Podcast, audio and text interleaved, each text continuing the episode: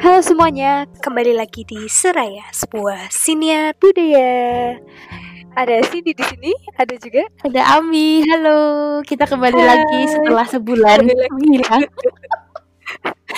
Ini karena yang satu sibuk, terus yang satu oh, lagi, yang satu lagi mutung. Aku yang lagi mutung. Enggak deh. Iya. Ya. Maaf ya teman-teman. Ya tapi intinya okay. seraya tetap ada kok jangan khawatir. Atau yes. atau nggak ada yang kangen Cin jangan-jangan nggak ada yang nyariin selama ini. Oke. Okay. ya dan hari uh, ini? hari ini tamunya apa istimewa banget. Iya. Kita kedatangan siapa kan jauh-jauh dari Sumatera Barat. Ya di sini ada Uda Kino. Halo, halo. Uda Kino. Halo Uda halo Cindy Babi Iya, ini apa kabar? Udah baik? Ah, kabar baik, alhamdulillah. Syukurlah. Lagi sibuk apa sekarang? Iya. ya biasa sibuk untuk uh, nyicil-nyicil kerjaan sama catatan dari iCommerce juga. Oh, oke oke oke. Wah sibuk sekali sepertinya ini. Eh kenalan dulu, kenalan dulu. Iya, kenalan dulu. Eh ini apa kenalannya? Belum tahu. Mm, kenalannya, kenalannya tunggu. Nanti kita kasih apa pembukaan dulu. Kenapa sih kok kita? Oh iya boleh boleh. Jadi iya. uh, satu tahun yang lalu, tepatnya di bulan Juli tanggal berapa ya? Udah ya? Tanggal 6 Juli. Tanggal 6 Juli 2019, 6 Juli. World Heritage Committee itu menetapkan sawah lunto sebagai warisan dunia. Nah waktu Yay. itu aku sama sini nonton ya, Sin ya live stream iya. Ya. Cuma proyektor lah proyektor sekarang. iya. Dan jujur aja waktu itu tuh ikut merasa terharu gitu ya. Iya betul banget. Sebenarnya tuh kan um, banyak banget sih kritik terhadap World Heritage System dan sebagainya tapi nggak bisa dipungkiri mm -hmm. tetap ketika ada situs dari Indonesia atau dari negara kita yang masuk ke World Heritage List tuh ya tetap aja bangga gitu. Happy-nya bukan main lah. Sudah lama soalnya nggak ada ya Kak Ami ya. Terakhir Terakhir Subak ya sebelum apa Subak, iya. Mm -mm. Nah, nah, jadi siapakah Uda Gino? Nah, Uda Gino ini adalah orang yang berperan dalam salah satu orang ya yang berperan dalam proses penominasian uh, Sawah Lunto menjadi warisan dunia gitu. Selama ini kan uh, kita udah sering ketemu nih sama Uda Gino ngomongin tentang sejarah Sawah Lunto, manajemen dan sebagainya, tapi yang belum uh, yang belum apa ya yang belum pernah aku tahu adalah tentang gimana sih sebenarnya perjalanan sawah lunto dinominasikannya itu gimana terus siapa aja yang terlibat kayak gitu terus pengalaman yang pengen aku dengar banget dari Udah Gino adalah waktu World Heritage hmm. Committee meeting di Azerbaijan itu ngapain oh, gitu. Iya. Itu tuh sidang atau kayak award show gitu kayak piala Oscar atau Udah apa yang terjadi? Nah, itu yang mau kita bahas hari ini. Iya, mungkin uh, sudah dari prolog, mungkin udah gini mau perkenalan dulu nih menyapa teman-teman Seraya. Oke, uh, halo teman-teman Seraya. Uh, perkenalkan saya Rahmat Gino Si Games, memang namanya ada Si Gamesnya yang yeah. sejarah. Iya. yeah. Saat ini uh, bekerja di Dinas Kebudayaan, Peninggalan Bersejarah dan Permusiuman Kota Sawalunto Hmm. Uh, sejak Januari 2020 diamanahkan sebagai kepala bidang peninggalan bersejarah dan permusiuman. Uh, begitu perkenalannya.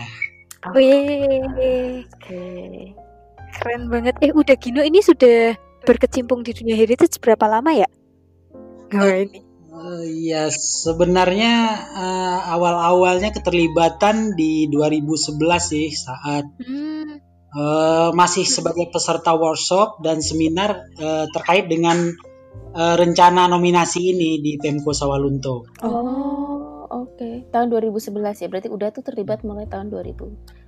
11. Ah, tapi sebenarnya uh, wacana untuk penominasian Sawah Lunto itu sudah jauh sebelum itu ya? Atau uh, kalau data-data yang kita dapat uh, ya mulai saat visi itu mungkin masih berupa me, apa ya, mencari alternatif lain dari uh, usaha pertambangan menjadi usaha wisata. Jadi visi kota itu adalah wisata tambang yang berbudaya begitu. Tapi itu belum meng, uh, mengarah ke uh, situs warisan dunia. Oh. Tapi uh, di pertengahan jalan saya ada ketemu sebuah buku yang ditulis tahun 2007 itu sudah ada membahas dan membandingkan kota Sawalunto dengan sebuah kota di Prancis yang uh, disandingkan seolah-olah Sawalunto ini udah layak menjadi situs warisan dunia begitu. Kalau perannya udah dulu sendiri dalam proses penominasian itu uh, bisa diceritain nggak apa dari awalnya? Iya awalnya sebenarnya di tahun 2011 itu ada dua peran saya di bidang heritage ini. Yang pertama saya sebagai peserta workshop dan seminar, dan kedua saya sebagai pengawas di uh, revitalisasi kawasan cagar budaya Kota Lama Sawalunto.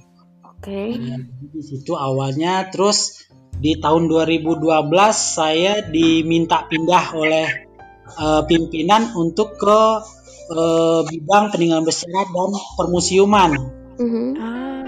hmm, jadi mulai dari saat itu sudah mulai deh ini uh, semacam uh, belajar dan juga me, dibekali lah uh, berbagai macam buku kayak di diberi diberi modal gitu. Iya. Hmm. hmm. Tapi itu berarti langsung yang ikut workshopnya itu berarti workshop untuk penyusunan nominasinya itu ya udah ya? Atau workshop uh, lagi? Belum penyusunan nominasi sih lebih kepada menggali potensi seperti apa okay uh, potensi akan uh, diangkat dari uh, sejarah tambang kejayaan batubara ini. Oh, oh, okay. oh ternyata awalnya begitu. Iya. Oke. Okay. Terus, Terus nah, di masih tahun yang sama, pas saya baru pindah ke bidang tersebut, mm-hmm. saya uh, langsung di ini di uh, semacam apa ya di diproyekkan oleh wali kota saat itu al almarhum Bapak Ambranur bersama kepala bidang saat itu Ibu Rika Ceris uh, semacam di di apa ya di dikaderkan untuk uh, konsen di sini Wih, ternyata awal mulanya begitu. Loh, udah sendiri, udah mau nanya nih. Dalam istilahnya dalam perjalanan penulisan dosier, kalau pengalamannya udah sendiri, apa sih yang paling menjadi apa ya uh, yang awal, fokus utama, uh, utama dan iya, awalnya harus utama. dilakukan.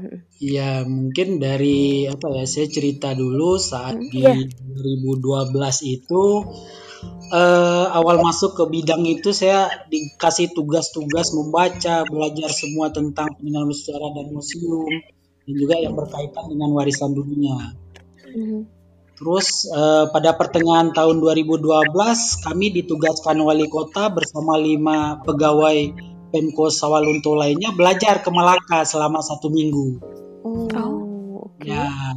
Mm-hmm. Dan memang uh, di situ uh, saat uh, kepala bidang saya resign dan otomatis uh, estafet proses ini mulai penuh ke tangan saya. Mm-hmm. Dan juga beberapa pegawai yang ditugaskan bersama saya ke Malaka berangsur pergi, baik mm-hmm. itu pindah tugas ke instansi lain di Sawalunto maupun pindah ke kota lain. Jadi mm-hmm. uh, memang uh, secara uh, apa ini uh, banyak yang datang dan pergi begitu. Saya boleh dibilang uh, sejak April 2012 itu kayak apa ya setelah dipercaya di uh, mempelajari tentang peninggalan sejarah dan permusiuman, saya di uh, PLT kan sebagai kepala seksi peninggalan bersejarah. Oh. Jadi otomatis saya menjadi koordinator untuk pro proses nominasi ini di oh. Tawalum. Eh di Semarang ada nggak ya Kak Abi ya? Apa? Seperti udah gini ada ya? Aku Yang jabatan posisinya untuk itu? Uh, mungkin belum ada ya aku gak tahu. Ya ini kita harus cari tahu ini. Ya, nah terus uh, setelah workshop dan ke Malaka itu kita semacam membuat uh, konsep atau proposal untuk pendirian sebuah kantor yang akan mengurusi tentang peninggalan bersejarah dan permusiuman. Jadi kita bikin proposal, terus kita juga langsung belajar ini uh, menulis-nulis draft dosier kata orang do, dosier dosier gitu kan kita yeah. yeah. begitu tahu tapi udah udah nekat aja coba nulis-nulis gitu rame-rame gitu. Mm-hmm. Tapi itu terus diapakan udah? Apakah langsung dikonsultasikan dengan pak- para pakar atau? Awal-awal sih sejak 2012 itu kita sudah punya draft dosier ya. Setiap mm-hmm. tahun malahan kita kirim ke pusat Oke. dan Hmm. alhamdulillah memang nggak ada tanggapan gitu. Plot twist. Awal-awal ya, karena kan belum menjadi apa prioritas gitu. Hmm. Nah, Terus eh, di akhir eh, tahun 2012 eh, secara resmi kantor peninggalan bersejarah dan permusiuman ini berdiri. gitu. Hmm. Dan Hmm. Ini juga bersamaan dengan eh, saya ikut workshop waktu itu Mhm. yang diadakan Balai Konservasi Borobudur eh, bekerja sama dengan eh, Taman Wisata Candi. Saat itu workshop penyusunan dokumen nominasi warisan dunia di eh, Yogyakarta waktu itu. Hmm. Dan sebenarnya di situ saya baru eh, secara utuh mengenal penominasian warisan dunia dan juga eh, di sana juga tempat eh, semacam ya perkenalan dengan jaringan-jaringan pertemanan para para pelestari terutama kan memang banyaknya peserta dari UPT Kementerian eh, Pendidikan dan Kebudayaan seperti itu. Selanjutnya berarti setelah itu karena udah banyak yang kenal, semakin banyak yang mendukung untuk menominasikan sawah lunto ya udah.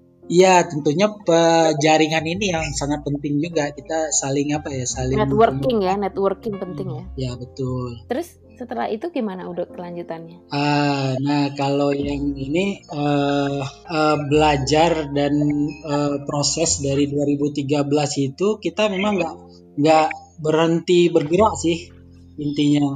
Mhm. Jadi di 2014 awal kita karena masih belum eh, mendapat perhatian pusat ya akhirnya kita eh, melakukan pendekatan lah cari Hmm. dukungan-dukungan dengan jaringan ini terutama mungkin eh, mantan-mantan eh, pejabat di kementerian.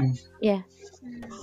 Oke. Akhirnya kita eh, diusulkan untuk eh, masuk eh, masukkan berkas untuk eh, ditetapkan menjadi kawasan cagar budaya nasional. Nah, 2014 itu juga ada beberapa kegiatan kan, Eh, baik itu eh, untuk eh, proses penetapan cagar budaya peringkat nasionalnya, terus eh, kita terus juga membenahi eh, dokumen nominasi yang kita coba-coba bikin ini, dan juga eh, kita sempat juga belajar eh, ya apa semacam workshop yang dia- diadakan Kementerian Pendidikan Kebudayaan waktu itu eh, INDB ya internalisasi nilai dan diplomasi budaya kalau tidak salah direktoratnya Hmm. itu eh, di 2014 juga dan juga kita terus setiap tahun mengadakan seminar dan workshop di Sawalunto.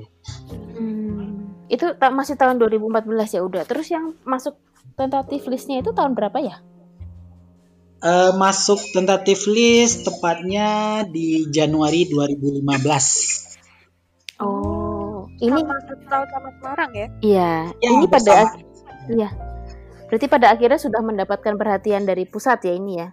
Artinya. Nah, sejak 2014 ini sudah mulai uh, ada ini dilirik ya da- sama pemerintah pusat khususnya Kementerian Pendidikan Kebudayaan. Terus berapa kali itu prosesnya udah akhirnya misalnya dari tentatif list itu udah berapa kali submission sampai bisa berhasil itu ya lolos ya Kak Mi ya di taraf nasional ya. Mm-mm.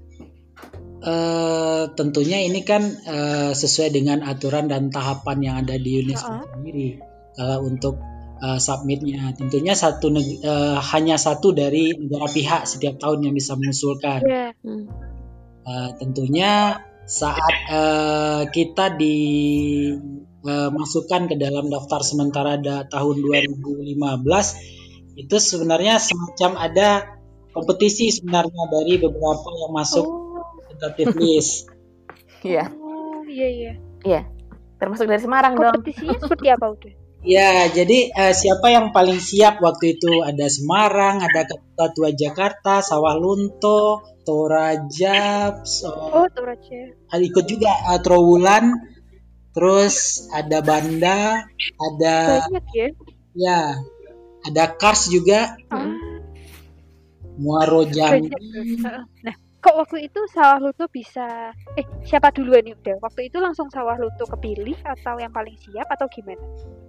Eh, sebenarnya waktu itu pilihan eh, dari juri dan Kemendikbud sulit sebenarnya. Mm-mm. karena ada dua saat itu yang dianggap paling siap Kota Tua Jakarta sama Kota Lama Sawalunto. Jadi akhirnya memang uh, dua-dua itu dijadikan prioritas saat uh, di Januari 2015 tersebut. 2015 ya ini ya tadi ya. Iya. Oh, Eh, terus kita kemudian kita mulai masuk ke?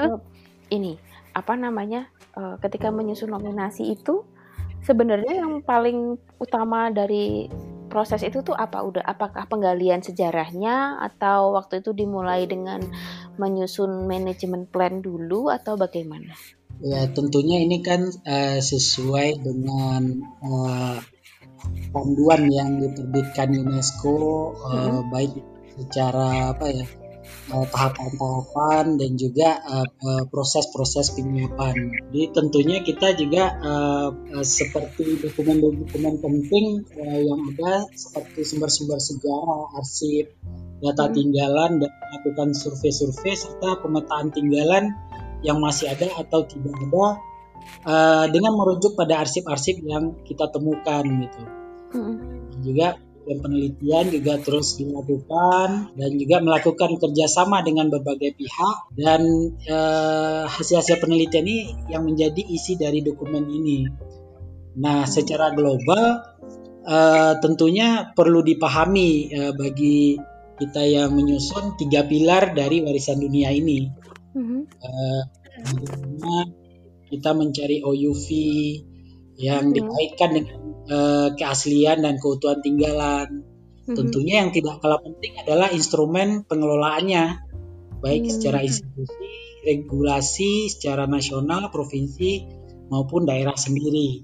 Hmm. Nah, tentunya ini eh, menjadi eh, titik poin yang penting karena eh, di tiga pilar inilah kita bisa eh, menyusun dari eh, dua dokumen itu, baik dokumen nominasi maupun dokumen rencana pengelolaan. Oh. Iya, Ih, jadi penasaran nih Kak Ami. Iya. Udah ada nggak untold story-nya? Wih, untold story yang tidak diketahui orang-orang selama ini gitu. cerita-cerita tentang ketika menyusun. Heeh. Ya, sebenarnya eh, dalam proses penominasian ini kita selalu dihadapkan dengan apa ya tantangan-tantangan yang terselubung gitu. Oh, wow, wow. Apa itu bisa? Ya mungkin eh, sepertinya Sawalunto berjalan eh, dengan sangat mulus sepertinya. Padahal eh, kita secara daerah saat eh, di 2014 dan masuk tentatif 2015 Hmm. itu kita tetap punya pesaing gitu baik gitu Hmm. ya di provinsi saat itu kita menjadi cadangan dari eh, kampung tradisional Padang Ranah yang menjadi prioritas provinsi dan juga saat eh, fasili- fasilitasi dari Kemendikbud sendiri eh, kita hanya difasilitasi satu orang untuk ikut workshop di Kota Tua dengan sembilan eh, tentatif list lainnya termasuk Semarang waktu itu sama Kota Tua Jakarta. Semua para ahli loh. Semua- Yang dari Sauruto udah gino ya? Iya, dari Saulunto awalnya saya sendiri karena tidak ada fasilitasi. Akhirnya saat itu ada pimpinan kepala kantor Bapak Aldi yang sangat support waktu itu. Beliau nggak mungkin lagi Gino sendiri berangkat. Sedangkan Hmm. eh, nominasi lainnya full tim ada dari pemerintahnya, dari BPCB-nya, dari akademisinya, ahlinya, bahkan mereka rata-rata full timnya lima orang. Cukup semua. Wow. Ya.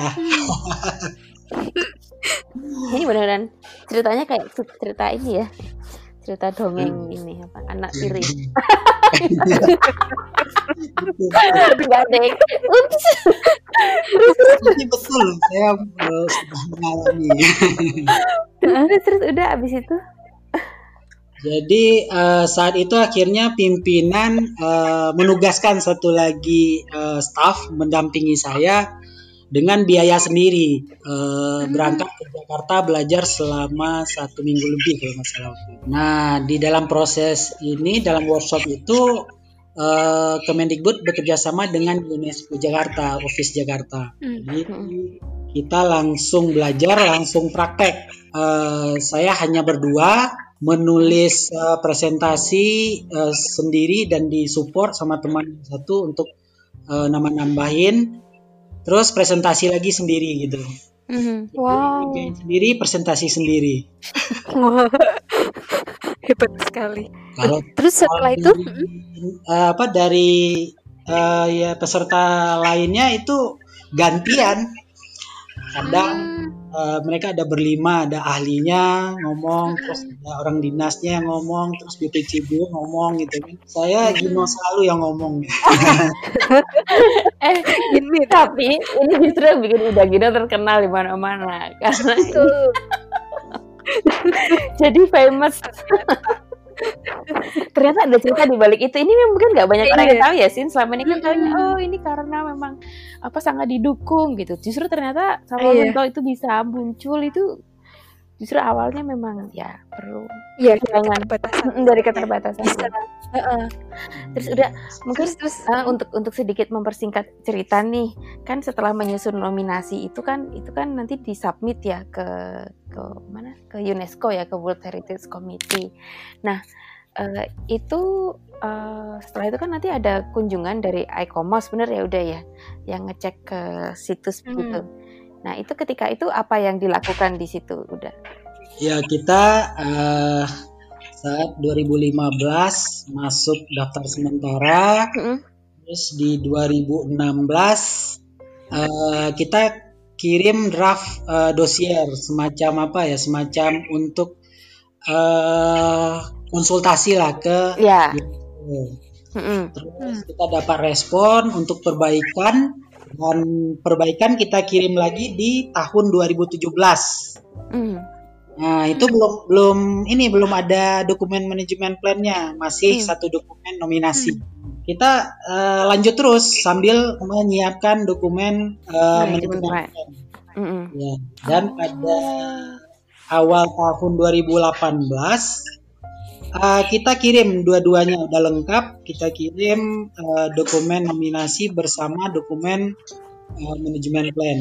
Uh, dan dokumen ini uh, dinyatakan lengkap oleh UNESCO dan diteruskan kepada ICOMOS untuk dilakukan evaluasi Hmm. Sesuai tahapan dari Badan Penasehat Warisan Dunia ini. Nah, terus di pada uh, pertengahan tahun kita dapat surat uh, melalui Kementerian Pendidikan Kebudayaan bahwa akan diadakan evaluasi ke situs pada bulan September 2018. Wah.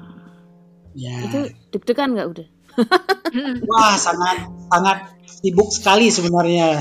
Masa sih? Apa aja yang disiapin gitu? Apa maksudnya?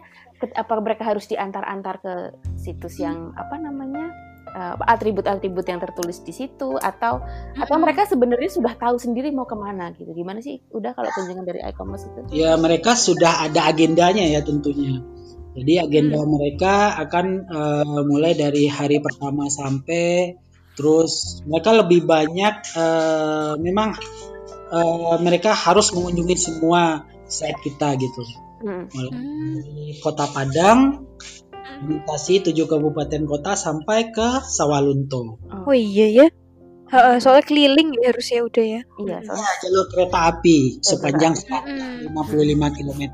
Terus apa? Itu berarti yang bikin agendanya Sawalunto atau dari e-commerce-nya sudah punya agenda datang minta seperti ini gitu udah. Iya, mereka sudah mempersiapkan agendanya dan uh, konfirmasi ke uh, pemerintah pusat untuk uh, penyesuaian oh, gitu. gitu. Oh. Apakah waktu itu juga ada wawancara dengan masyarakat setempat gitu udah yang dilakukan oleh e-commerce tentang ini? Apa Ya, tentunya karena semua tahapan mereka kerjakan. Jadi hmm. uh, kita sebenarnya sudah duluan uh, belajar saat evaluasi uh, e-commerce ke ketua ke Kota Tua Jakarta tahun 2017. Jadi saya mengikuti dari uh -huh. hari kedua sampai terakhir dari tahapan evaluasi di Kota Tua Jakarta. Jadi saya belajar dari uh, proses itu gitu. Terus jadi sebelum e-commerce datang ke Sawah Lunto udah ya udah tahu oh nanti ini pasti bakal begini begini gitu ya. Ya betul. Akhirnya kita memang mempersiapkan semua hal yang uh, terjadi di Kota Tua Jakarta, jangan sampai terjadi di Sawalunto. Gitu. misalnya, misalnya apa? Udah boleh ceritain nggak? Ya, misalnya kita sudah uh, siapkan dengan Kemdikbud bahwa kita perlu semacam uh, apa ya uh, uji coba, semacam uh, simulasi. Ah, simulasi evaluasi. Hmm, jadi pura-puranya ada yang datang nanya-nanya gitu ya. Ya, memang saat itu didatangkan dua orang ahli uh, untuk uh, simulasi ini, hmm. uh, Pak Daud dengan Ibu uh, Erwiza saat itu. Wah, persiapannya itu berapa bulan udah berarti? Wah, kita persiapannya sejak dinyatakan komplit, kita persiapan terus ini sini. Wah, latihan. Ya, luar biasa. nah terus ketika datang terus uh, apa namanya itu langsung kelihatan nggak udah dari situ? Dari maksudnya dari orang e-commerce bahwa oh iya nih kayaknya situsmu nih apa layak atau enggak gitu. Atau itu semuanya tuh misteri hanya Tuhan dan mereka yang tahu. Ya tentunya e-commerce baru mempelajari dari uh, ini kan dari dokumen. Belum melihat langsung. ah, okay. jadi ini semacam cross check dan tentunya ini juga uh, perlu keterangan dari masyarakat. Hmm. Jadi uh, empat bulan sebelum September kita sudah gerilya ke uh, kelurahan, desa, nagari untuk uh, sosialisasi bahwa nanti kita ada kedatangan tamu uh, begini begini begini begitu. Nah, itu secara maraton kita kerjakan sampai kita pembersihan situs juga. Oke, bersih bersih.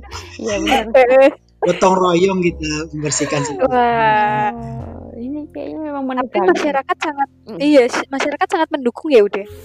Ya karena Kebetulan, masyarakat uh -uh. Uh, sangat apa ya, sangat tahu uh, dengan fungsi dan peran uh, jalur kereta api ini uh, dahulunya saat masih aktif. Hmm. Bagaimana pergerakan ekonomi di sekitar mereka itu bagus. Jadi setelah hmm. kereta ini tidak aktif lagi, mereka merasa uh, mereka tidak ada uh, apa sumber pendapatan ataupun aktivitas yang bisa dikembangkan gitu. Jadi semacam harapan besar lah dari masyarakat kalau seandainya situs ini ditetapkan mm-hmm. otomatis dilindungi dan dimanfaatkan dan dikembangkan otomatis ada dampak untuk masyarakat itu sendiri. Wah, luar biasa. Berarti masyarakatnya sudah merasa memiliki dari dulu ya, karena dulu benar, merasakan benar. ya Kak iya, benar, benar. dan sebagainya. Iya, hmm. uh, uh, uh. Eh, Dan... udah ini ada pertanyaan menarik ini. Okay. Kan tadi udah sendiri ya nih. maksudnya lebih seringnya uh, apa ya? Berjuang maksudnya bersama tim tapi udah sering maju sendiri. Nah, dalam prosesnya sendiri apakah menemui susah untuk menggabungkan banyak kepala atau apakah karena orangnya sedikit jadi gampang ambil keputusannya? Nah, ini uh, sebenarnya tidak sendiri sih. Jadi hmm. banyak datang dan pergi sebenarnya. Jadi uh, banyak pihak yang sudah terlibat baik itu ahli, pejabat, pegawai, staff institusi dan masyarakat sendiri uh, sebenarnya sejak awal pelestarian di Sawalunto sebenarnya dan juga saat proses nominasi juga banyak pihak yang, sudah ya. Ya, mulai kita buat uh, surat keputusan wali kota untuk tim satu kota, terus uh, ya, namun uh, tingkat keterlibatan itu memang sangat terbatas jadi bahkan lama-lama malah mereka tidak ikut lagi bahkan hilang gitu kan. Uh, kenapa itu? Mungkin karena uh, sebagian besar memang uh, tugas dan fungsinya uh, berada di instansi mereka masing-masing. Jadi oh gitu. semacam apa ya? Karena tugas wajibnya tidak di sini gitu. Hmm. kalau udah sendiri nih, kalau misalnya udah itu nggak wajibnya di sini, apakah udah akan tetap wajib apa ya menjadi seorang yang seperti hari ini? Maksudnya akan mengawal sawah lunto sampai akhir? Nah, ini juga saya nggak nggak tahu kalau saya sempat dimutasi ke ke ini ya ke ke satpol pp lah misalnya ngamanin ngamanin pelanggaran nah, mungkin yeah. otomatis nggak lagi Cindy. Iya. oh, okay. Karena yeah. kecuali ada ini semacam surat keputusan wali kota mungkin karena saya memang uh, apa ya sudah saat sudah masuk ke peninggalan sejarah dan permusiuman kayak Ya. sudah sudah Mm-mm. cinta mati deh kayak gitu. Ah, berarti ini istilahnya eh, jabatan tuh mendukung ya udah orang-orang yang punya semangat harusnya didukung diberikan jabatan untuk bisa fokus ya. Iya sih tentunya karena kewenangannya di situ. Iya, kewenangan program dan kegiatannya otomatis eh, ada fasilitasi lah mestinya gitu. Kalau kita jalan secara personal, apalagi ini kita bawa nama pemerintah kan, Iya. sangat sulit, pasti Ah. sulit. Oke, oke. Terus Yang buat udah tetap semangat apa ya? Selama ini siang malam masih mau apa ya, Yang mikirin ini. buat semangat sih semacam apa ya? eh, tujuannya itu memang eh, terlihat gitu. Dan potensi Ah. sawah lunto ini eh, setelah melihat beberapa situs eh, warisan dunia lainnya tidak kalah gitu. Jadi semacam ada semacam keyakinan yang sangat kuat sekali bahwa sawah lunto ini akan mendunia. Bahkan di awal-awal malahan di tahun 2012 itu saya jadi bahan tertawaan teman-teman loh di sawah lunto. Kenapa? ya semacam kayak pekerjaan gila gitu. Ngapain sih Gino lu Oh. sibuk-sibuk ngurusin ini? Untungnya apa sih buat lo gitu kan? Terus sampai saya digelarin Bapak Wardun karena ngomongnya war Wardunnya terus gitu. Oh ya ampun. Oh, Iya iya. kayak dinyinyirin gitu ya. Terus ini menyambung yang tadi nih ceritanya yang setelah Icomos datang di sini. Oh iya. Nah, Tadi kan setelah Icomos datang, terus gimana? Udah, abis itu kan yang aku tahu setelah set- bulan apa ya awal-awal sekitar awal-awal tahun 2019 tuh udah mulai beredar tuh hasil reviewnya Icomos yang merekomendasikan bahwa sawah lunto itu inscribe kayak gitu kan. Terus itu kan yang kayak udah Ah. heboh gitu. Nah sawah lunto sendiri atau udah Gino sendiri mendengar kabar itu hasil rekomendasi keluar itu tuh kapan? Dan bagaimana Hmm. perasaannya? Wih, ya. eh, rekomendasi kalau tidak salah keluar waktu itu setelah kita memberikan jawaban tertulis eh, kepada ICOMOS dari beberapa pertanyaan setelah evaluasi. Hmm. di awal 2019. Jadi Oke. di bulan Maret kita sudah dapat bocoran dan juga dikirimin suratnya bahwa eh, direkomendasikan untuk ditetapkan pada sidang ke-43. Wah. Hmm, apa ya merasa Kita langsung makan-makan ya. Syukuran. Oke oke. Gimana? Udah lanjutkan. Maaf. Ya, eh, jadi eh, saat itu eh, arahnya mau ditetapkan, otomatis ini akan menjadi kerja berat lagi sebenarnya sih. Jadi kan kita harus mengimplementasikan dokumen manajemen plan tentunya. Terus belum rencana aksi, Ya. belum eh, 16 catatan karena bocoran 16 catatan itu sudah keluar juga di bulan Maret itu gitu. Oh 16 catatan apa? Udah dari. Iya, jadi kita ada be- eh, 16 catatan eh, saat penetapan pada sidang tersebut, baik Hmm. itu dari segi perlindungan, eh, regulasi, terus pe- apa, pemeliharaan, pemugaraan interprestasi, terus jaminan-jaminan negara gitu. Dan itu harus dijawab Iya iya iya benar benar. sampai Desember 2021. Berarti harus melengkapi menyelesaikan isu itu sampai Desember 2021 gitu ya udah ya. Ya, betul sekali. Oh. Terus ketika Ternyata nggak bisa berhenti di situ. Seneng masih ada. PR masih ada 16. awal awal dari PR 16 ini. Ya. Ah, lanjut lanjut. Heeh. Nah, itu malahan setelah penetapan makin ini lagi sebenarnya makin berat lagi kan ke- pekerjaannya. Hmm. Kalau saat proses nominasi kita mungkin lebih banyak ber eh, berkoordinasi maupun bekerja sama dengan beberapa pihak saja gitu. Eh, saat penetapan otomatis kita harus melibatkan eh, seluruhnya Hmm. untuk Hmm. pengelolaan gitu kan. Mm-mm, harus benar-benar dilibatkan karena kalau misalnya nanti nggak dilibatkan akan jadi pertanyaan loh katanya kamu mau ini mau Oh melaksanakan iya. A B C tapi kok tidak kamu lakukan kayak gitu. Ah, Mm-mm. iya iya. Terus udah waktu di Azerbaijan itu kegiatannya apa aja sih sebenarnya? Apakah memang cuma uh, sidang tok itu atau ada yang lainnya? Uh, memang uh, walaupun sebelumnya kita sudah dapat bocoran uh, saat sidang uh, tentunya uh, tetap ikut mekanisme gitu kan. Yeah. Dan juga uh. misalnya uh, kami melihat di beberapa pembahasan sebelum Sawalunto itu bahkan berjam-jam bahkan nyambung di setelah break atau besok harinya. Oh, ya. wow. Ya. Tapi memang ini anugerah sekali untuk Indonesia dan juga Sawalunto yang saat itu saya hitung waktunya tidak lebih dari 20 menit sejak pimpinan sidang persilakan Alkomos membacakan yeah, yeah, yeah. evaluasi, terus tanggapan dari beberapa negara anggota komite hingga ketok palu inskripsi itu tidak lebih 20 menit saya lihat. Sampai dihitung sama udah lu. Iya, ya, kayaknya memang cukup cukup lancar sih ya kalau dari yang aku ingat ya? negara-negara komitenya itu juga banyak yang mendukung. mendukung. Iya di sidang mendukung, tapi memang di saat luar sidang sih kita ada semacam lobby-lobby pendekatan. oh, oh gitu ini tapi memang harus dilakukan deh udah ya maksudnya um, apakah ini karena ada kasus khusus atau memang memang sebaiknya dilakukan lobby lobby speak speak gitu kalau kita dengar dengar cerita dari anggota komite perwakilan Indonesia sih rata-rata memang ada lobby lobby di luar sidang hmm. dan oh. Memang kebetulan saat Sawalunto perwakilan uh, ahli kita di Komite Warisan Dunia saat itu Pak Daud mendapat email dari uh, anggota komite Australia ada dua pertanyaan waktu itu sebelum sehari sebelum sidang. Terus uh, Pak Daud langsung nyariin uh, saya.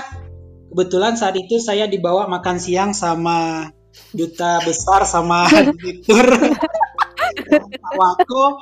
Jadi Pak Daud kehilangan gitu mencari. Iya iya iya. Terus terus akhirnya saya kembali ke ruang sidang terus uh, briefing sama Pak Daud saat break uh, saya melihat ada delegasi uh, anggota komite Australia di depan paling depan dari barisan kita terus mm. inisiatif saya saya ngomong ke ketua apa pimpinan delegasi waktu itu Bapak Surya Pak boleh nggak kita temuin uh, di luar sidang? Wah silakan nggak apa-apa. Langsung kita samperin hmm. rame-rame ke meja Australia. Terus uh, apa ramah tamah terus mulai membicarakan ada dua pertanyaan. Malahan uh, setelah kita diskusi-diskusi mereka malah janji besok kita akan uh, mendukung. Uh, wow memangnya memangnya tadinya pertanyaannya itu ini ya pertanyaan yang agak me, ya, menjatuhkan. atau menantang gitu ya atau gimana? Uh, enggak sih pertanyaannya lebih ke ada dua pertanyaan. Pertama terkait keterlibatan masyarakat sejauh mana. Oh. terus yang kedua bagaimana pengelolaan nanti uh, dengan masyarakatnya begitu. Yang disoroti masyarakatnya ya? Betul. Mm ternyata mm karena evaluatornya saat itu juga orang Australia. Mungkin uh, uh. bahkan dia udah ngomong uh, evaluatornya adalah teman saya gitu. Oh gitu.